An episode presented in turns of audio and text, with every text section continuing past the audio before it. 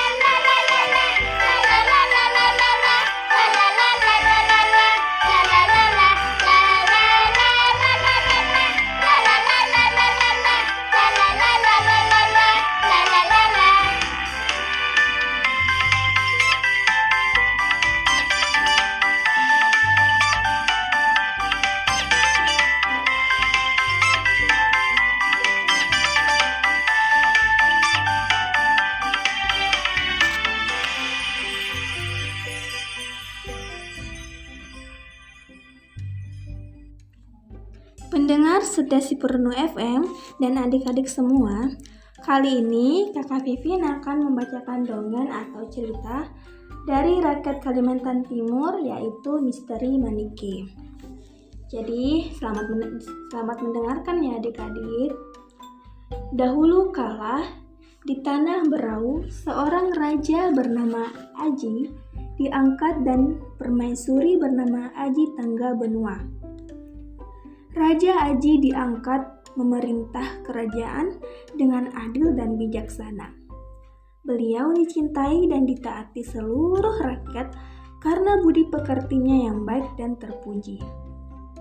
Raja memiliki tujuh putri yang cantik, tetapi beliau belum mempunyai putra yang akan menggantikannya kelak. Dari ketujuh putri itu, yang tercantik adalah putri bungsu. Selain cantik, budi pekertinya juga baik. Keenam kakaknya mempunyai sifat yang berbeda. Mereka mempunyai kebiasaan yang buruk, tinggi hati dan congkak. Perkataan mereka kasar sehingga menyakitkan hati orang yang mendengarkan. Tidak mengherankan jika putri bungsu menjadi kesayangan ayah dan bundanya. Bahkan menjadi pujaan seluruh rakyat di kerajaan itu. Sebagai putri seorang raja, jelas putri bungsu mempunyai dayang serta inang pengasuh. Walau demikian, ia tetap senang bekerja, terutama memasak di dapur.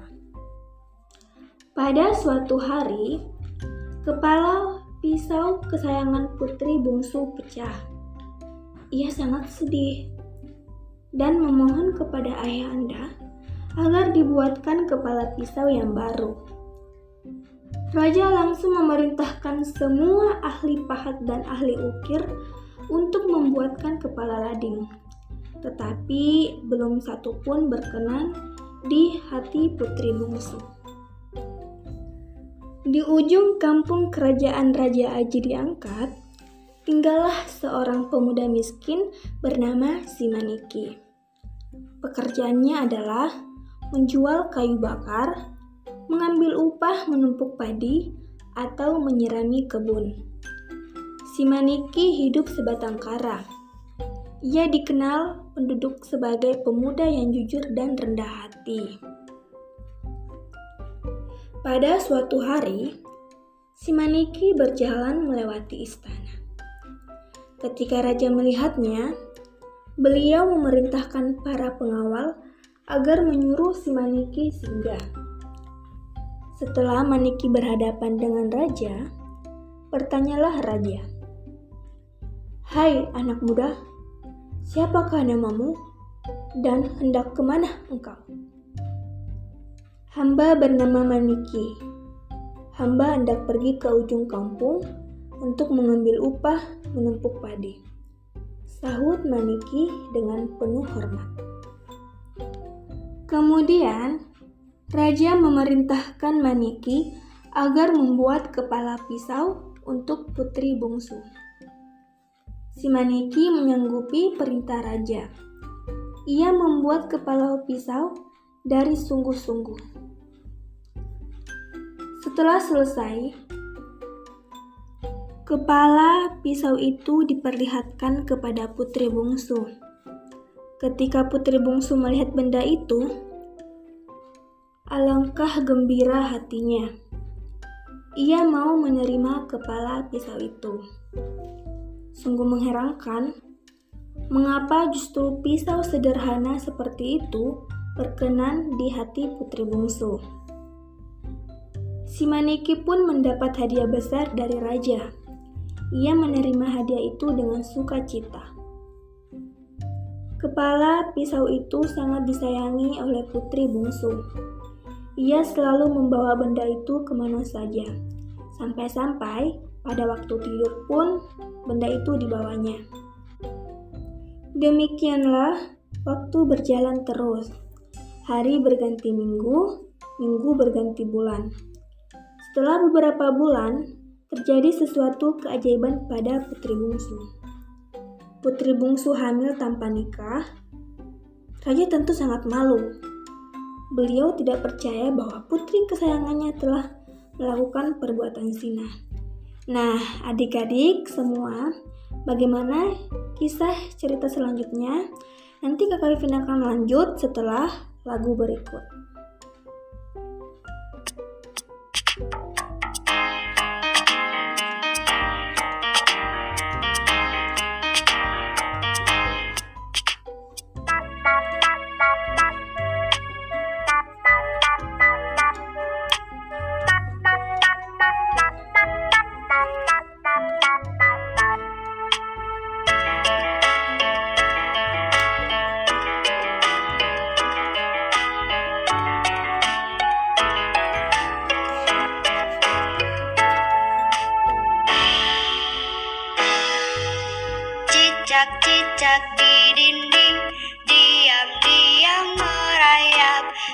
Datang seekor nyamuk Hap Lalu ditangkap.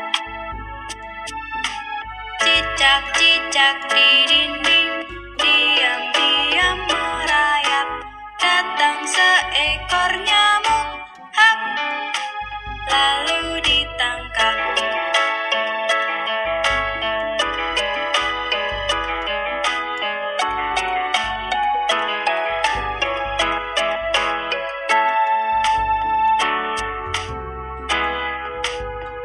Cicak-cicak di dinding Diam-diam merayap. Datang seekor nyamuk Hap Lalu ditangkap. Cicak-cicak di dinding Diam-diam merayap. Datang seekor nyamuk Hap Lalu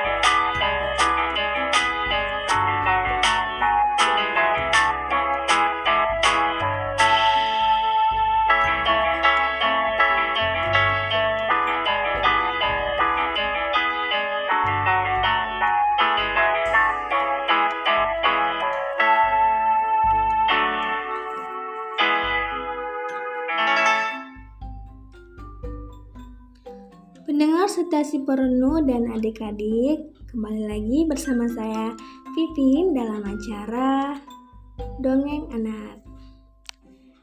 Jadi, kakak Vivin lanjut ya ceritanya.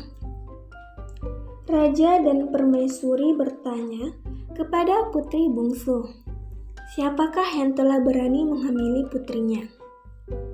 Putri bungsu tidak dapat membe- memberikan jawaban dan keterangan lain karena ia memang tidak pernah melakukan hubungan dengan laki-laki. Ia didesak terus, tetapi ia hanya bisa menangis. Keenam saudaranya yang sejak dulu telah membencinya mengatakan bahwa putri bungsu telah membuat cemar nama baik. Mereka juga menyesali orang tua mereka yang selama ini sangat memanjakan putri bungsu. Putri bungsu hanya bisa berdoa dan memohon agar mendapat pertolongan Tuhan. Para hadirin tercengang dan tidak mengerti mengapa hal itu bisa terjadi. Mereka sama sekali tidak percaya bahwa pemuda miskin itulah ayah si bayi. Tidak ada pilihan lain bagi raja, kecuali menyerahkan putri bungsu dan bayinya kepada Maniki. Putri bungsu dan Maniki menerima titah raja mereka pun meninggalkan istana. Hari-hari yang dinantikan itu pun tiba. Genap sembilan bulan, putri bungsu melahirkan seorang putra yang sehat dan tampan.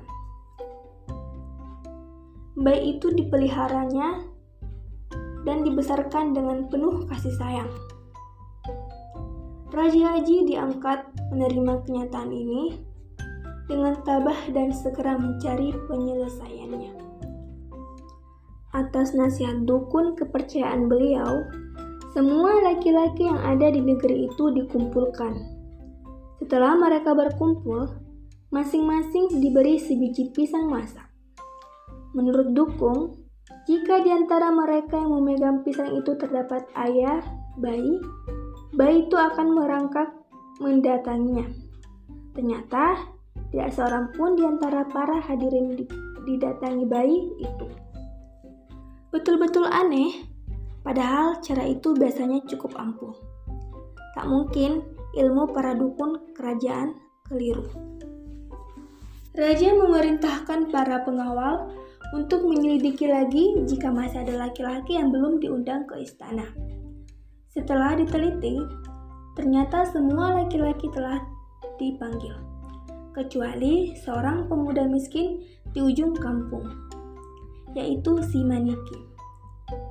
Raja memerintahkan para pengawal untuk membawa si Maniki menghadap.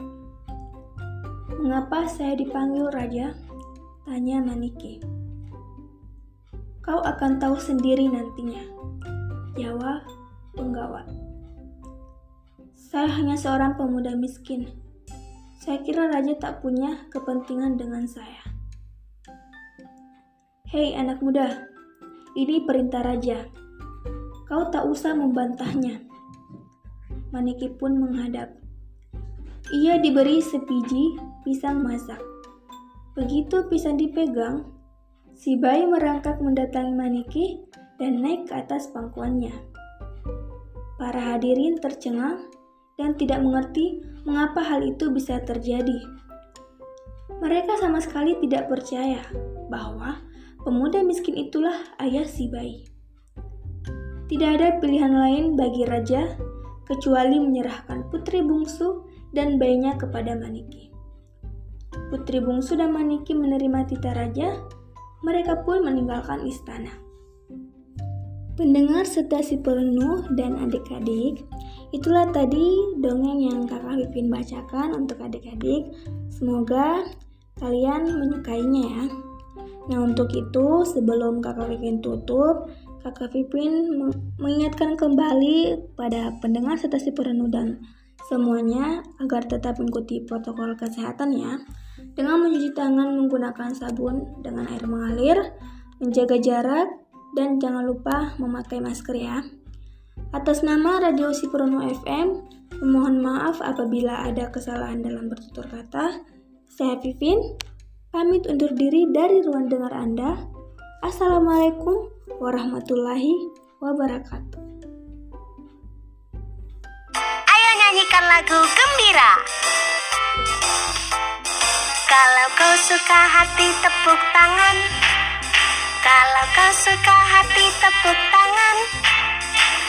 Kau suka hati, mari kita lakukan. Kalau kau suka hati tepuk tangan.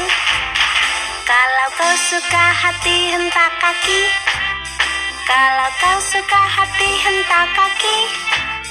Kalau kau suka hati, mari kita lakukan. Kalau kau suka hati, hentak kaki. Kalau kau suka hati, jentik jari. Kalau kau suka hati, jentik jari. Kalau kau suka hati, mari kita lakukan. Kalau kau suka hati, jentik jari. Kalau kau suka hati, bilang hore, hore. Kalau kau suka hati bilang hore, hore. Kalau kau suka hati, mari kita lakukan. Kalau kau suka hati bilang hore. Kalau kau suka hati tepuk tangan. Kalau kau suka hati tepuk tangan. Kalau kau suka hati, mari kita lakukan. Kalau kau suka hati tepuk tangan. Kalau kau suka hati, mari kita lakukan. Kalau kau suka hati.